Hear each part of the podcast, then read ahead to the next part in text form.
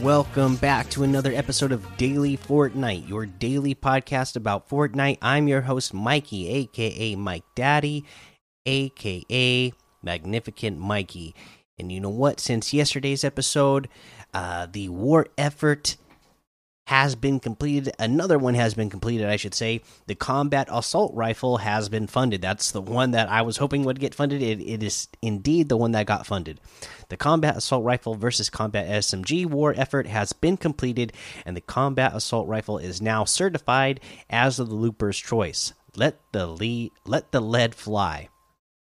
And I'll tell you what, this thing really does let the lead fly. I have not uh, actually got to play with it myself yet as of this recording. I'm sure by the next episode I will have played with it, but uh, I have watched a ton of videos, and I'll tell you what, this thing looks ridiculous on how strong it is.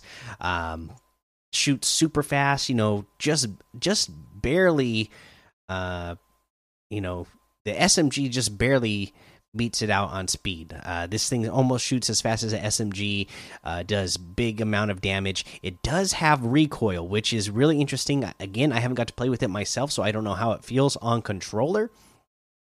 Uh, but uh, I'm actually really excited about having the recoil. Uh, the thing that is kind of a bummer though is it has recoil and it still has bloom, even though it's got like this huge amount of recoil. I, have seen people playing with it and showing just how much recoil it has. Like it will, I mean, you you hold this thing down, you'll go from aiming where you're at to basically doing a 90 degree angle from where you were aiming if you don't uh, control it at all. So, uh, yeah, it's got a lot of recoil, but it does still have bl some bloom as well. Uh, so, uh, I wish they would have taken out some bloom. It, I mean, the bloom's not as bad as other weapons uh, with this because it does have the recoil, but it would have been nice if they made it even tighter since it does have such a huge recoil uh, like that. But uh, thing is super strong. You're gonna want to be looking for this. Uh, it comes in all rarities, uh, so as far as I can tell, it's not hard to find. Uh, so yeah, just check it out. You know, and and when you get one, you'll probably definitely want to be. This is one that you're gonna want to be upgrading because you will get uh, the the uh, higher damage rate when you you upgrade it which is totally worth it. Plus the faster reload time as well. Uh, but yeah, that's the news that we have for today. Let's go ahead and take a look at what we have over here in the LTM's Zombie Island Haunting, Spooker Scare, uh, Tiny Town Halloween Power, uh, Elimination Confirmed, uh, Team Brawl, 100 Red versus Blue Rumble, uh, the Late Game Arena. Uh, Tilted Zone Wars XA, Teddy, Alien Nightmare, Dark Pine, Tommy Flitch, and a whole lot more to be discovered in that Discover tab, okay? Uh, let's go ahead and take a look at what we have over in the item shop today. Uh, we have all of our spooky offers, which, you know what, there's just so many good things in here. Uh, and then today we added the Snorkel Ops outfit for 1,200.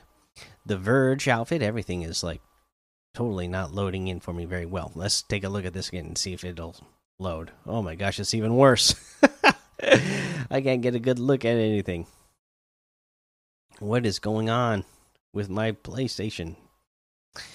Uh, okay, let's come on. Anyways, yeah, we got the snorkel ops for 1200. We have the Verge outfit for 800. we have the Mellow Days music for 200. The Jamboree emote for 500 uh, the battle call emote for 200 have a seat emote for 200 uh, and then we have the new little bounce emote custom built with a little hydraulics. This is uh traversal. You're in a uh car with the like they said with the hydraulics on. Uh see here you go. Here's the music for this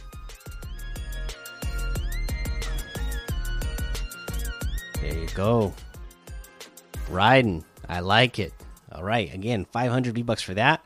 Uh, we have the Gia outfit with the Tuscan tooth back bling and the Crossbite tooth axes harvesting tool for 1,600. the Guernsey outfit with the Lack Pack back bling for 1,200. Uh, the Sledge Heifer harvesting tool for 500. The Dream outfit with the Shattered Wing back bling for 1,200. The Luminos outfit with the Lunar Light back bling for 1,500. Astral Axe harvesting tool for 1,200. The Shard Break wrap for 500. The Arcana Glider for 1,200. And then uh, we have a DC section. So basically, everything that DC has ever put out in Fortnite is in the item shop now. And that's a lot. So that means I'm not going to go over every single item today because there's a lot of DC items, a lot of great stuff. I own a lot of it because of uh, getting the the comics in the past, and uh, it all it's they're they're all things that uh, I'm glad I have because they're they do look great. Uh, but yeah, check out the DC section. There's a whole lot. Whatever you want that has come out in the past, it's here. Uh, and uh, yeah, and it's all great.